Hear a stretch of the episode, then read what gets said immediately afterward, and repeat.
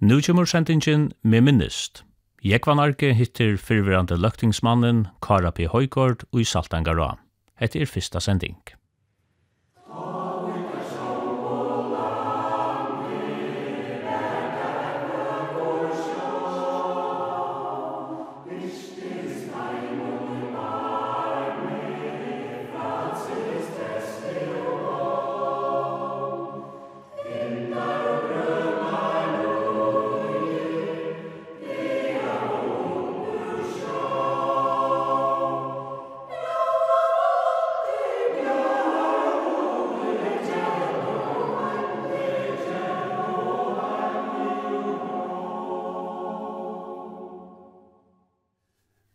dag er gesteren til åkken Karin Paddel Høygård ur Saltangara. Han hever vært bøyraslimer i Ronavøk i 20 år, var postmæver i 30 år, og hever tingmæver og landstyrsmæver i gav 18 år, men nå hever han lagt alt det fra seg. Og tog er vi færen etter Kara, og han skulle komme her fyrir nøkron døven så gjerne, men han var og seiner, og kan du forklare meg hvor du blest og seiner? Jeg skulle avvera en bil oppe til autoservice til etterlit, og så gikk jo om han i utarpe, og var kanskje i gauare tog, fortsett så til at jeg avvera liklander nere i løkningen noen. Da jeg var kommet om han til sms, ta på et sms om at bilen langt i livet. Men i stand til her, vi telefonen i hånden, nu kommer biler og stekkar, det var tvermerska damer i bilen, utlendingar som bygg ved førjen, jeg er så ikke kjedder fyrir, Og der spurte om jeg kunne, og enskån om jeg kunne hjelpe meg å finne hospital. Der fann jeg ikke landsjukhus. Jeg rønte så forklare, men der riste bare vi høtte noen, og pågav en av bergsetter, så jeg hoppa en av bergsetter i bilen noen, og så låsa jeg der ute av sjukhuset, og vi kom ut her i og så turen nian her blei faktisk nekka lenger. Hva var i ørendene, Kjallam? Jo, jeg haldi bestemt at andre var kommet til øya, og tog så haldi jeg at det kom vel vi at vi funnet sjukhuset. Nå er en, en mann eller tvær, så gjerne du har kjiven i løkningen. Men to hever finnes vi i minst. Ja, det er således at jeg har lykka faktisk fra det første være limer i Utnoranon. Jeg har sittet som formar i Utnoranon Trøyskøy, og etter her var min søgnaste oppgave som formar for det første delegasjonen til jeg være Jeg møtte opp til en nevntarfond i Utnoranon, han ble helt inn i Nok, så jeg får via Retsjavøk til Nok, Og så fikk jeg sagt farvel faktisk i Osland, vi tar som jeg hitte, bei Altingslimer og annars viner som han arsever jo og lengt arbeidsgøy. Så flei vi er til nok, og her høyt vi sånn den nevnta fonten, og også her fikk jeg mulighet for at holdt på fløyre tøymon, som jeg vil samstarva vi, her i mittlen Lars Emil Johansen. Her fikk jeg faktisk høve til at møta rettliga nekkon kjenton folkon. Og det er kanskje det som verur. Og en av troplast, det heter hettar at det er vinabånden som er knutte mittlun Osland, fyrir og Grønland og i som tojarskøyna. Det her råkner vi verur nekka som vi kunne virkelig sakna. Jeg gjør det så til Arne forra sted. Jeg valgte Arne forra sted. Det er nok så kjølsamt at jeg skulle sida vi en ekvoseli og skriva navn og jeg sjálfur ikke være av listan Men han er ikke så tidsen om at uh, nå er vi sittet og så lenge tog jeg skøyer i 8 tror jeg gammal, og jeg bor fra landslandet funnet at min politiska tog hun var ferien og at han måtte finne åndre elevner. Tog sin så valgte jeg faktisk Arne for sted, at han var fyrir så til Danmark. Vi døg i en hus nere i Danmark, og vi var så i 13 dager og i ferie. Så nu er man kommet hjemme til rattor, og den vanlige gjernastaven bryr, men kjøtt sagt er det en øyelig stor brøyting at man ikke skal møte opp i løkningen. Men hva er det? Du sa du det utløver av latnaver nok sånn jeg. Er det en søgjende du får til tingene? Nei, nei, jeg kan vel. Så vi har spiller klaver ikke. Til tidsen at du i oss. det var så løs at uh, jeg var blevet ui så større. Onkel kunne kanskje sagt at tar få av ferna, man kommer av skjermen, så skal man helst suttjast. Jeg var ikke om det var måttet i, men uh, til Øysolei kom jo på i Jøgen Tøyene, og jeg var kommet på 120 kilo, og, og jeg heide skott. Det var, det var faktisk blivet, blivet en trobeløyge, blåtrust var kanskje Øyso høyt øysene. Så 1. januar så sette dere fire, og vi gjør da en sånn bøsk inn i Facebook, tror jeg bøttene kommer her, og sjølver, hver og jeg vet, lykka som tog dere fire, ja, nå skulle vi røyne passe på, og skulle fære maskinere. Og jeg har så nästan kvant han och nästa det. Det er onkur där och färn på middelen, men nästan kvant det har vi inte ongstan mitten 5 och ja, onkur er kommet på 30 km, er vi inte och annars har vi sykla, och det är väl Nekka det samme ganske fra en talv opp i 120 km tid av langste. Så, så det er en, en 16-18 kilo færre og just snart togjerskøynen. Og det man sier er utrolig glad for det, og jeg trykker tog at hvis man skal gjøre noe råd, så vil det si at jeg motionere, genka og at sykla. Tema var åtta besta mediciner som er fire fløyre av tømme velfæra sjukken som mennesker annars loje av. Og pluss til at man loje så omyndelig enn bedre fire, og man fær som det mer energi. Så at det kan jeg anbefale øtlån til å røre seg. Men nå tar det vært færen ur tingene, hva skal så bruke energien til? Ja, tid til, tid til at Man kan så alltid man kan så alltid gänga och cykla. Till till upp från Sjövan går så länge han där men är men jag finns lite att i har några hobby. Alltså i har eh plever i Batafällan av Backa för jag det öjnaste fel och i där blir till så har vi varit nere och tant tog en skolfax blir bättre nu. Vi räknar med vi har vi ösnä varit ute i Tofton, underhusen av Tofton och här har vi ösnä varit öjla väl med och Her inne jeg bakka sammanstå faktisk kvann det og jeg er noen, i halvtid til lyka fyrra jola det er det nok ikke her, men annars er det bæge gerandes og sånne det er og er en kyrstøy, og det toften er det så bæge fyrra part og søttna part, så ble vi ångt av skal og her er det mest leier det, til nok det øynaste steg i, i fyrjen, hver menn er spyrja kom, er leier det om sjokk til å køyra av ruskplås, så la seg at det var mulig for at dette er gulvet i kahutten i er skala, Øysni her alltid er ekvelig av å versta koma, og så har vi vært nekra turar ut i stronten Øysni, her er det Øysni, og så har vi samlingstea. Og jeg trykker tog at fyrir var det kanskje egninga som var universitetene og hver og, og i menn hittus. så fyrir er at det er eldre atali som samlast og til mest menn, eller fyrir ikke sier bæra menn, men jeg trykker tog at uh, jeg sier feløyne, jeg sier eldre feløyne, jeg sier bata feløyne, og her som menn samlas rekkliga hver da kunne slippe av vi det som det har på hjärsta och folk sitter och lust efter. Det tycker vi tog att det har tog en näck mer än kvar det halta. Vi så kommer en stor trubas, ganska fast som slett kommer ut för det samla samlats äckliga kvantan och av det. Bara det man har en affär till. Det tycker vi är, är helt fantastiska gevande, särskilt ganska för det äldre atelier. Onkur go sövan kommer inn i middelen? Ja, det Här är här är nekvar, här er nekvar uh, så självande självande te och det här samskiftet, närlöjken, togentene og, og det som røres i, i samfunnet, og det er vi alt diskuteret her, og jeg må si for min part at en stor pastor av tilfærden til fyrespårningar i løgtingen. Det har vi finnet fra at man eldre, og jeg må si at jeg er ferdig anbefale løktingslivet at vi ikke er støyende, og er få og uiblåste herfra at vi er Tar personer som sitter her, tar fotla lust og istemmet, tar hava liva og et lengt liv, og suttja verna kanskje på en annan måte enn kvært ui folk vi har høyre akademiska utvikling gjerra her og mist her økken, så at jeg trykker tog at her kan man håndta nekv. Du nevnte til at du er korst opp i 120 kilometer. Hver finner du tar mange kilometer? Nej, nu lever det som at det er gjennomskoster. Det är det inte. Den ena, ena morgonen tar Pauri av syklene, och är cyklar från Ockon och lyckas till Sällatriar och Høymator, Och det var fyrre part. Och sjutton parten så får jag får ut enda här i Dvig. til en tur som jag gjør nog så ofta nu. Ändan här i Dvig vid Nappa, og Och så runt Akne han da vi om att Ävikar. Og han turen nok så tungur nian at rattur, så han er kanskje ikke alltid via programmen, og så utan mellevegen, og så Nestofter, Saltnes og inn etter. Og så kvar de rundt i bygden inntil vi kom på 120 km.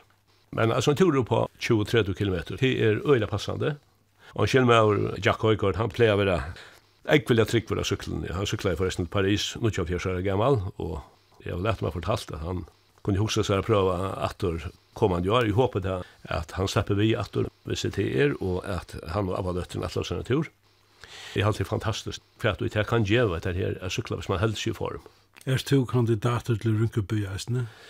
Nei, jeg må si, akkurat, jeg har ikke hoksa sånn om Rynkeby, men uh, ta man kunne halta halta gjennom i för mellom 25 og 30 km om to i mann, og jeg var ikke kjammer kanskje det var det, jeg tror jeg 24 km är eller øyta, det er gang best, grovlafna ligger om 20 km om tog i mann, og Så jeg vet ikke om jeg er akkurat til det. Det krever også en øyelig kjolddisiplin, og at man skal ha tog til at sette togene helt og fullt av. Jeg har også noen ære planer.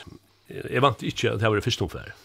Du nevnte til at du og tro av togene bøttene hadde lagt den her slæplanen om å missa kiloene. Jeg er gift ved en kone for glavere, Simona.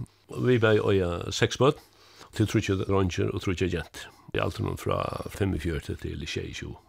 Det er 20 abba vatt nere ved, så det er en stor familie. Og du bor til Saltangara? Fikk vi Saltangara, ja. Men du er født av Strandon? Ja, jeg ble born i heim enn i bø av Strandon, den 21. juli, og i 1951. Mamma min var Jenny Høygård, hun var født Poulsen, Hon var så døtte til Kjæren og Johannes Paula Poulsen, vanlig nede Palline i Bø. Pappa var Meinar Høygård, Han var sånn Daniel Paula Høygård og Sofio, saltengara. Det er navnet Palle. Det blir så, så standardnavn i familjen, tror jeg, at uh, Abbe Stronten Johannes Pauli, han ble bare røpt over Palle inne i Bø. Og Abbe i Rytvik, eller, han kom i Rytvik og bo i, i Høyene, han ble røpt over gamle Palle, eller et eller bare Palle. Bortjemoen, han øyder Johan Paule, videre fyra sysken. Johan Paule, han er også nevnt for Palle. Og, og så var det en nummer tvei, og så en, en syster øyder Selfria, og, og den yngste øyde Mariana, vi var fyra sysken. Jeg og Palle var så føtter av Stronton, og trakkar som mine badnaskek var her, og fjert har vi vært under fyra år gammalt, og i kjentro og fem altrus. Ta flott vi til Iverom, av Ikva.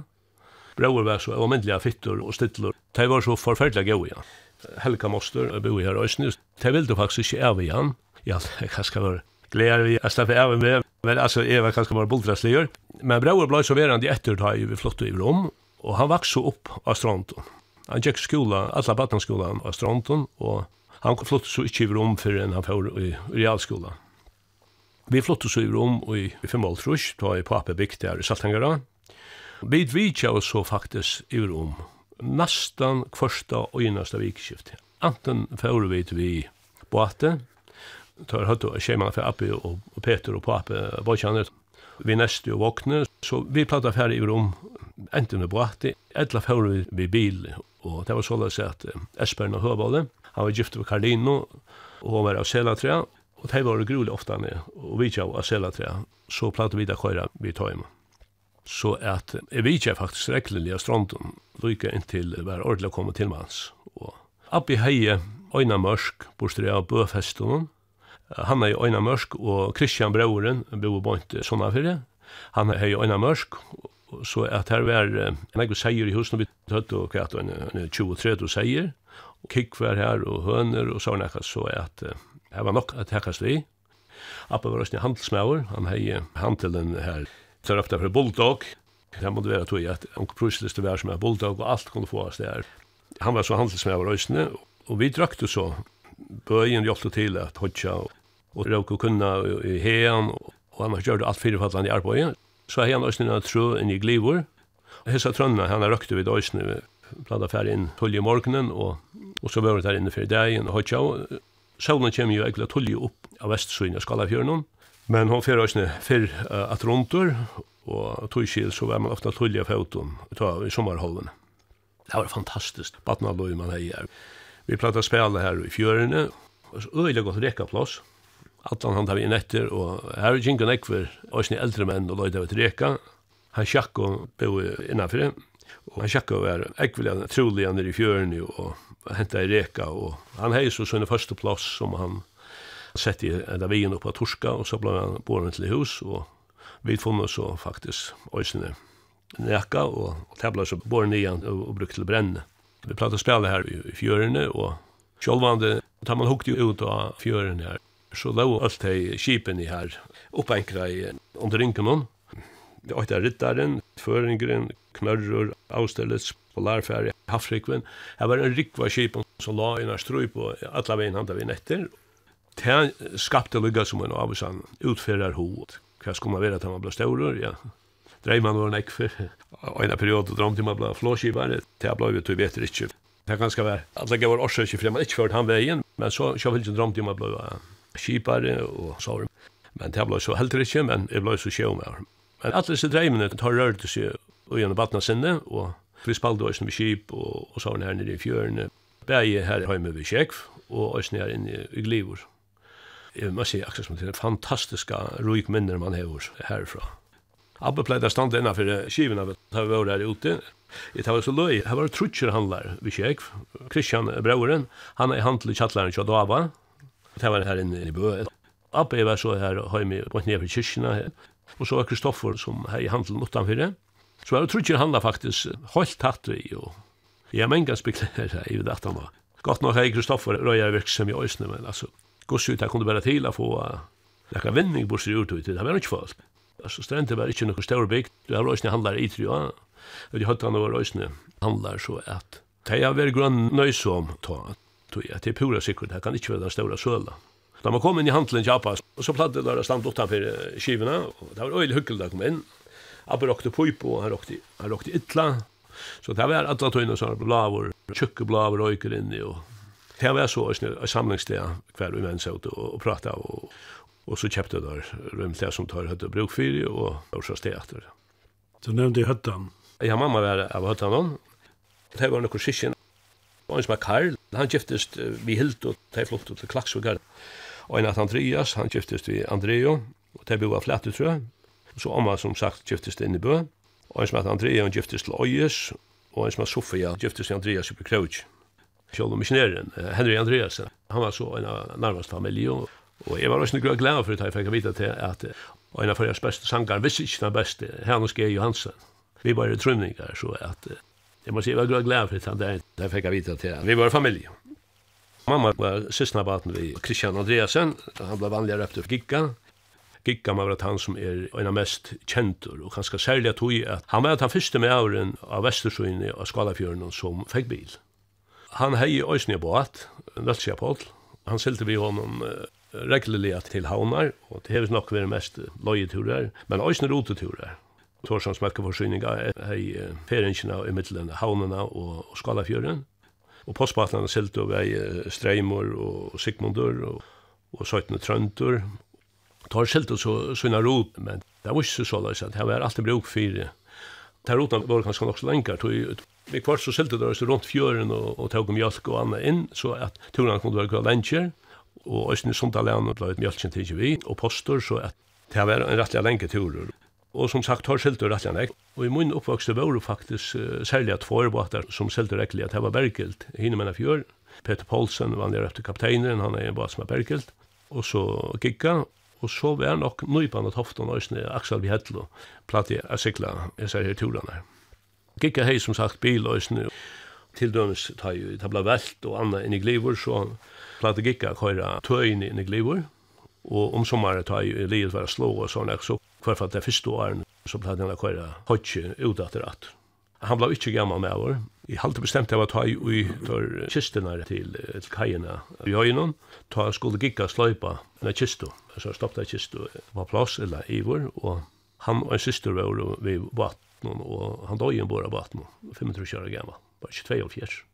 Så ja, han ble ikke gammal med år. Han var giftur en kona Tofton. De åt tre bøten, og hon døg i sin unge ungen. Så at de får bæg faktisk. Hun var rettelig ung da hun får, så de fikk ikke lengt løy. Sille du nær til vi nå? Jeg var, ja, jeg var en tur. Ja, jeg var vært flere turer, men det er særlig en tur kanskje, som jeg minnes. Det var så løs at jeg var blivet noen 13 år, 12-13 år. Jeg vil så finnes det på Olasuk. Jeg kan være i Ålasuk, og så spurte mamma om jeg kunne ta på Ålasuk og sen oi, altså, det teit om ikke at jeg skulle fære Ola søkken. Men det var ikke råkul å lassa seg ut i høvaballet. Jeg gikk opp hoste vanlige, og når han skulle så sora trattor. Vi har mulig for jeg slippa sår vi, vi råk. Jeg hadde enda så tog jeg etter lenge samrøying. Jeg skulle slippe han hvis jeg kom hjemme trattor om kvalt. Jeg måtte lova meg til jeg kom hjemme trattor om kvalt. Det var en sånn nøyter til å lova, og jeg først sted. Vi får sår, og kom sår 17 parst, nok så sånt på dagen og så var det Ola så det var en grulig stort Ola så att jag att jag skulle hem att åter om kvällte och ta ju för de andra konkabrunna ta vara bära gicke här och han sålde ju hem i Häxtö det var så hinner man fjør, så spurte jeg ikke om vi skulle slappe på en vei, og det var gammal Og det var frukslåt høyt, vi fører sted og, og vi kom og jeg var ikke til vi man hade varit utmøtt midnatt här vi var var av stronton og så til gang under bø, og så gist jeg kjom og appa og så fører vi alla bilen över om Og så tævla vi gula boldrasli i Ålasøka. Det var som min første Ålasøka. Du gjøks til skola, Glivron? Ja, jeg kom så i rom, og så tog jeg være for fem år gammal, og jeg fikk så en så omyndelig gammel vin. Sigmund Sistnavatne, han bor her tatt vi. Han var jankan og vi bror, så han ble lukka som en bøtje for meg, større bøtje, Vi tilt og øyden eksamen, og han først så skola lakk og arren, og jeg slapp så ångte vi, og i skola. Ta, begynte i gamla skola, jeg glev rundt til Lutla. Ta fyrstu togene ta var en, en skolastova oppe tja til Jakob Hansen, her overfor missionshuset og annars var det bare han Lutla gamla skolen. Bjarnadal var, Kristian Bjarnadal var, var ivelærere, og, og så kom Glivra skola, ta jeg for skola. Jeg har så vært i skola, i gamla skola. Men begynte jeg i skola, da begynte jeg, som Hans Paul Johansen sier, jeg gikk universiteten av Glivra alle baden og årene, og tjekk så også real, tog real eksamen her. Det var også en røykdøy. Det var øvrigt jeg kom i rom på en eller annen måte som var ganske mer lov hesmeien. Her var jo Lynfrost, som er i rettelig anlegg arbeid, og her var Høabøl, som også er rettelig anlegg arbeid, og bakkamennir uh, Roland og Hans, eller Jan Hendrik var den første som byrja og så syner Hans og Roland, tar høyt og så virksomhet av bakka, og Sofs Thomsen er i Høylsøl, og og Paul Hansen, så etter fikk øyne og hølselæreren i Abakka. Så det var nok snakk lov i Hesmanna fjør, og Ingvard Høygaard, han er så flott uh, så ut virksomhet inn her, og så det blir Høygaard var her, så det var rettelig nek virksomhet, og det var ikke problem å slippe at, eller få arbeid.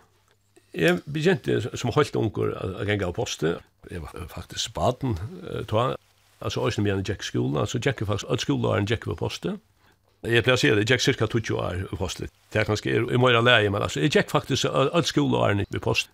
Jeg begynte fra Elias Arbeid og til Sølheim, og Herman Lukna gått, han som er vannmårstjerne, han heier så fra Høabøli og inn til Jakavestan. Det er gikk vi så til, i halvtid var 11 år, ta seg Herman opp, og, og så ivetog i alle rotene, og det er gikk så til var 16 år gammel. Og det gjør det så 18 år skoletog. Det var veldig spesielt. Vi gikk fyra det en vikene. At det var faktisk folk så gav tjeneste som det er det. Jeg, aldri, at, jeg fikk visst gang at fyra det er i det. Man skundar seg for at man lever i skolan og ut av och og, og som ofta så var posten lagt ur i Raffelsjø og klosta for sted, og så for det. Og jeg bär alltid ut, allan post, altså, høysene pensjoner og anna, og det var pakka nir i en konvolutt, og så var jeg en klipsa postavusningen fastan, Og så avleverade jeg det her, og ordran var at jeg skulle standa opp hivor med en halvt vær, så at det var gjorda. Og det var omkant en neka problem. Så det kjekk jeg faktisk allan vegin, og hei omkran valdur utan tur. Jeg minnes det ena ferien at det var høy at høatar vevor, himmalsens ötnar vever, i förra sted, og boi jeg så til klokkan seks om kvöld, og linka i det lute sentur, og, og så fyrir jeg sted, og ta var kjølst av vetren, det var myrst, og, og jeg tjekk allan veien, det var ikke noe hus som det er det, Det var ja, alt tjej halv fjerste malletningar, hvis jeg minnes rett, som kom av apostelhuset. Det var en perioden. Og Jackson var kommet lykke inn til Steinkron til her. Og her var det nok så brøtt brekkan igjen. Kjæven var som jeg og ta fjord sår av en, og jeg fjord faktisk under kjæv. Jeg var så illa fire, ta maur og kaltor og illa fire, at, at jeg vet, man ville bare sova. Så jeg, jeg var ikke kjøtt at funnet meg hvis det hendte, men så har det til som jeg sa, jeg var lengt bostor, langt og norrur.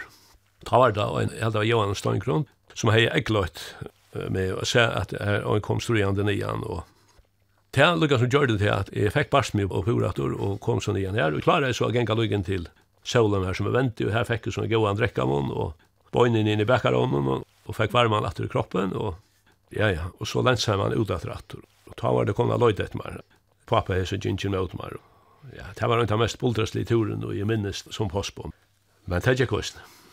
Og var det Esbjørn som tok seg av posten der ute? Ja, Esbjørn Høvald i hei posten, og han hei posten lykke inntil posten som flott inn i huset til kvinnepillan, og tog i Edmund Johansen tok så vi etter han. Det var såleis at um, Karl Johansen, læreren i Lampa, han har arbeidt fire av få gjørst posthus i Saltangara til en postekspedisjon. Og det her strøy etnæst. Saltangara bløy med postekspedisjon, det vil si en sånn høvesentraler, Ta i ui, i halte var ui 23, halvfjers, apostel som blei åpna som ekspedisjon. Ta kom Nes Tofter Saltnes, Elvig, Rytevig og alle der bygdene her, Rona og Saltengar Glurar, Saltengar og Kibanes. Alle der bygd kom under postus i Saltninger. Og så blei det korst ut herfra. Det var bilar som, som kort og, og det var bort i broten, og vi var så fløyre post på.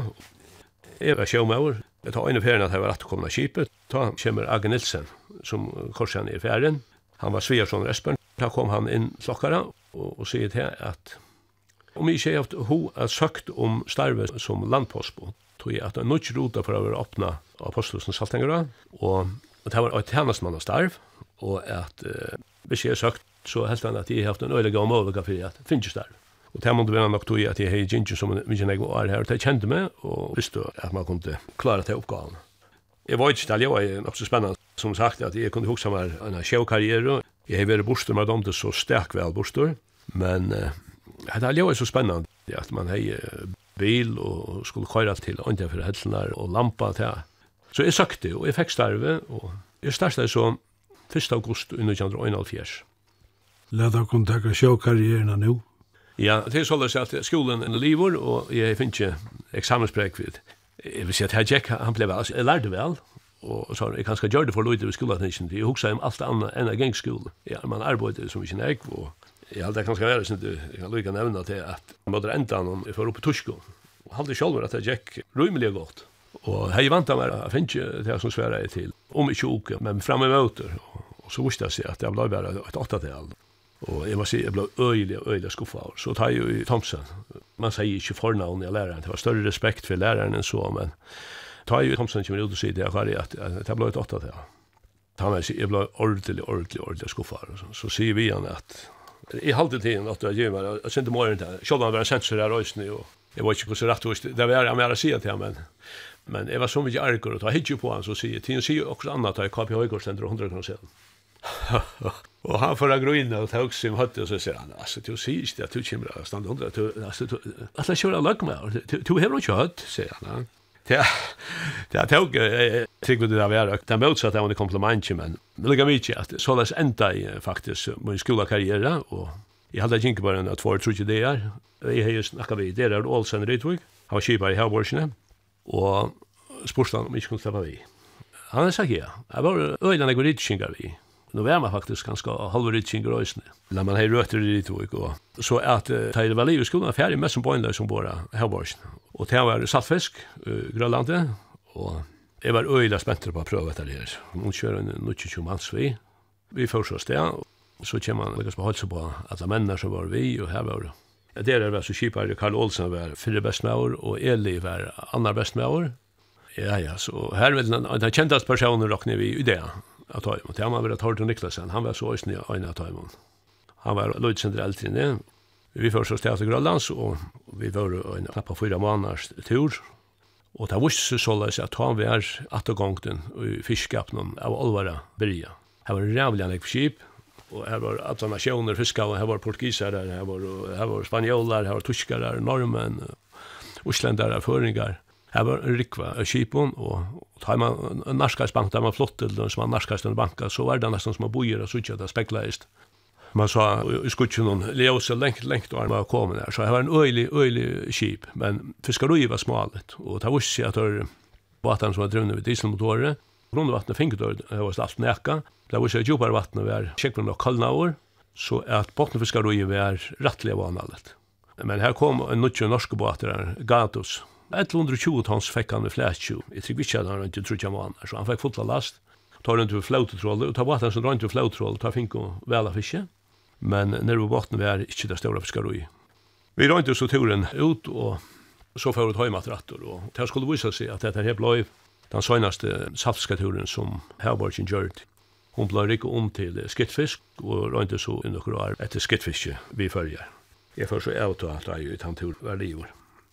Bare etter, og i 1930 ta gjør det klart for jeg til Grønlandserekve ut, og her fikk jeg kjans ved en debatter med Sigmundur, Sigmundur Annar. Vi tfor og fyra manns, Giss, Jan Christian Olsen, vanlig han heter Giss, han var bossformauer, Hanne Bojtjansara var vi, og så var han som var Jakob Mohr, han var gift gifte Janne Sistnavatten, og selv vi var fyra manns, for vi Sigmundur, og vi fikk faktisk en luksusrøys til Grønlands, Fyrir fyrir da vi som gamla frakkbaten og tar hushauste og i lasten og det var det var myndeliga bultraslett. Vi fyrir vi Astreo, det var et skip som kipafellet jeg kjept at han var at Kjaltre var selt, så kjøpte dere seg Astreo, hun skulle så fungere fyrir Kjaltre av Gjennavi. Hvert fall førte hun akkurat skrivet til Grønlands, og ja, her, her var også med og vi, selv om vi kanskje ikke hadde sånne samband ombord her, men han var så ivrig føringene, det var Henrik Olt, Og Alvor Zakariasen var kipare i Astrio, og da vi kom i vår, så visste jeg seg at det var, så om ikke denne gruset, det var et av de ringeste noen.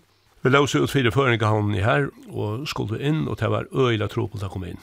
En slagbo at syken, han kom uh, ut med drokken, og prøvde så at uh, trusta og stikkene bort, og så la seg at vi slopp ut inn, og han sa, renn, og han breit så fyr, og, og vi silte at han var. Vi kom så inn i føringene, og la oss her og i nekra det her, så tar jeg og løter på borsen, så silter båten her sår i, i ravnøytene.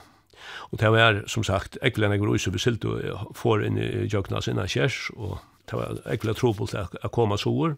Vi stekket av i fiskanesen, Her lød vi så stilt, og så kom onker ombord og spurte om vi kjøtt, og hun også hadde at det ikke er Og jeg tykker vi ikke at nekker her. Vi hadde gode fotballspillere. Jack, Jack Moore var gode fotballspillere, og Jack Høygaard, og her var fløyre. Så dotte vi alle spille, men så sen bonen och kommer ställa vara och så så vart här vi var nog inte så väl utgjorde till att spela motor mot time och tar tar hade akkurat så må liter som OIF kvita boxer och reja blusen. Och det var som sagt ordentligt fotbollsli.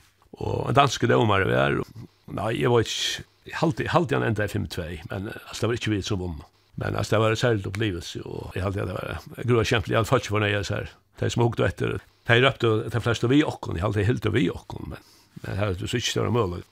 Vi fortsätter så sår i Ravnötna. Och tar vi kom så var det en trobla kom in. Först måtte man rutta havnene for i Øst, Det vill säga båten tröste Øystitchen i Udom. Så ble blev vajror spent ut først rom. og så ble båten lagt inn av her. Og vi boja alltså, jeg var ikke at det var flere viker och ären. Vi kom ordentlig i gang. Vi fiskar ui i. Och det var en grå smal fiskar ui. Ja, det samme samma tungen blev så stort Men det var synder av fiske få, men perioden ble så mye stort, vi miste sånn på grunn av uisi, at det ble ikke nekka skaroi. Jeg var ikke kan fredagsbater, Paddla Rekne, Paddla Bjerg Rekne i Han ble vestebater, og han, måtte jeg hava en 45 ans, halde vi, halde vi død og knapt trus. Så at det var ikke det store fiskaroi. Så det var nek frut ui, og som var fast, altså det ble ikke fiska sånne det. Sånne det var, var hilden høylaver, og kvann sånne det, så fyrir vi til gongo fra Norrøyhavn, i Sikrohavn. Han sjakka Ellingsgård, troboaren var sjåmanssonen her.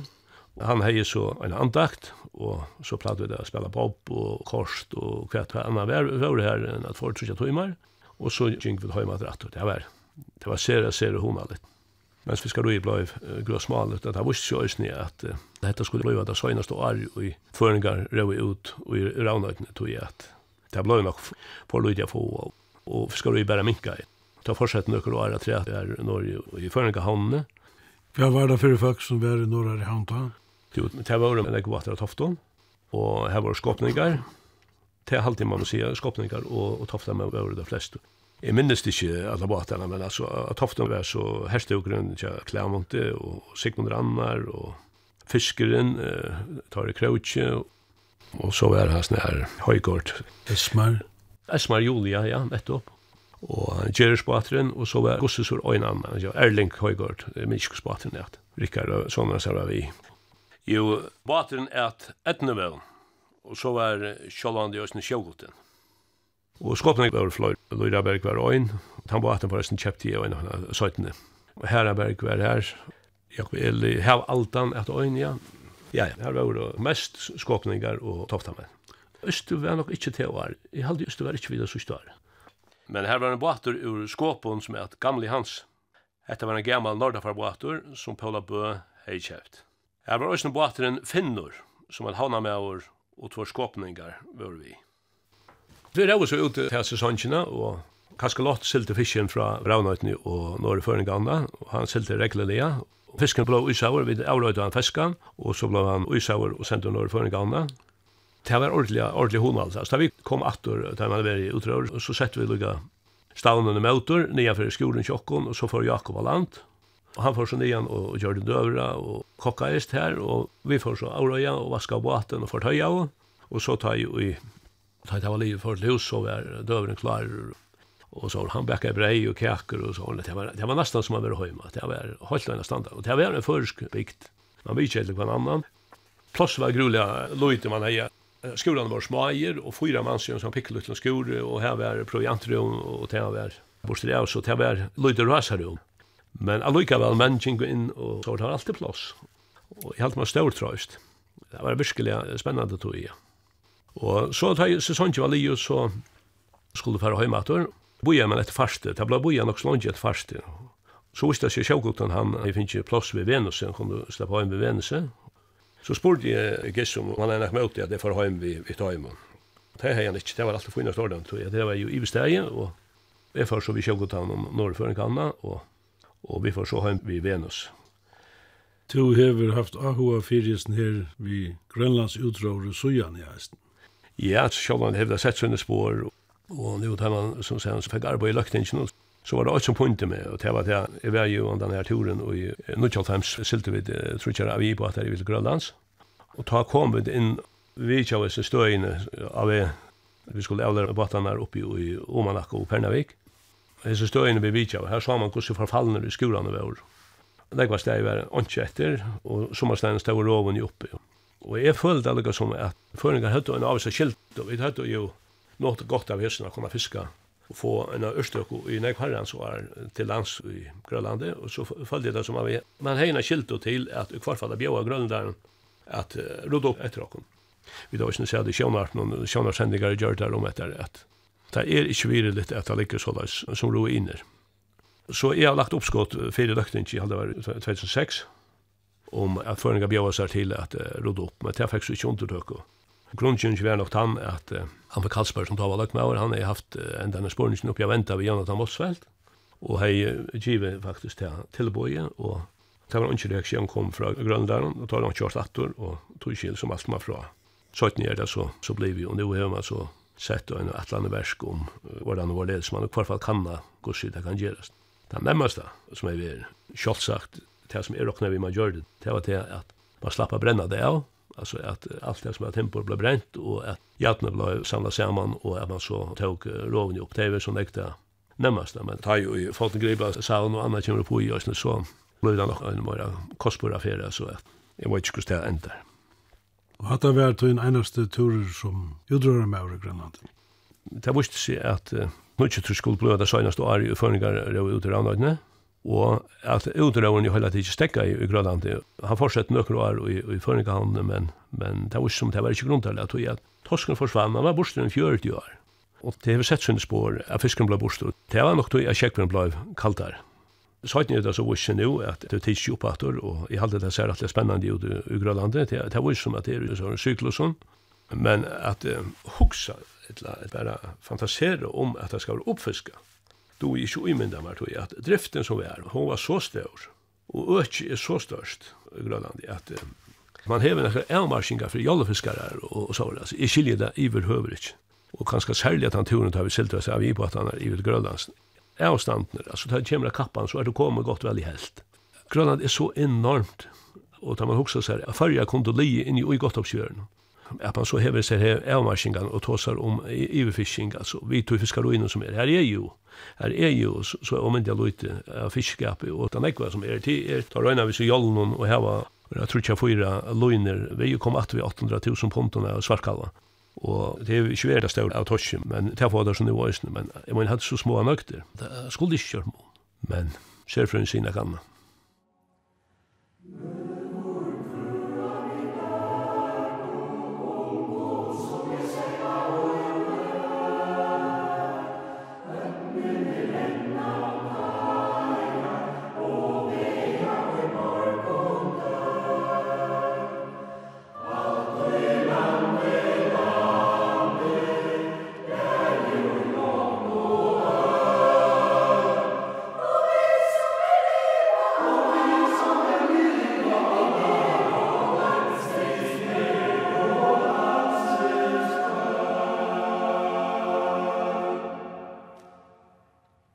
Hatta var fyrsta sendingin og i me minnist vi Kara P. Høygård og i Saltangara. Jeg var narke leie til rattes.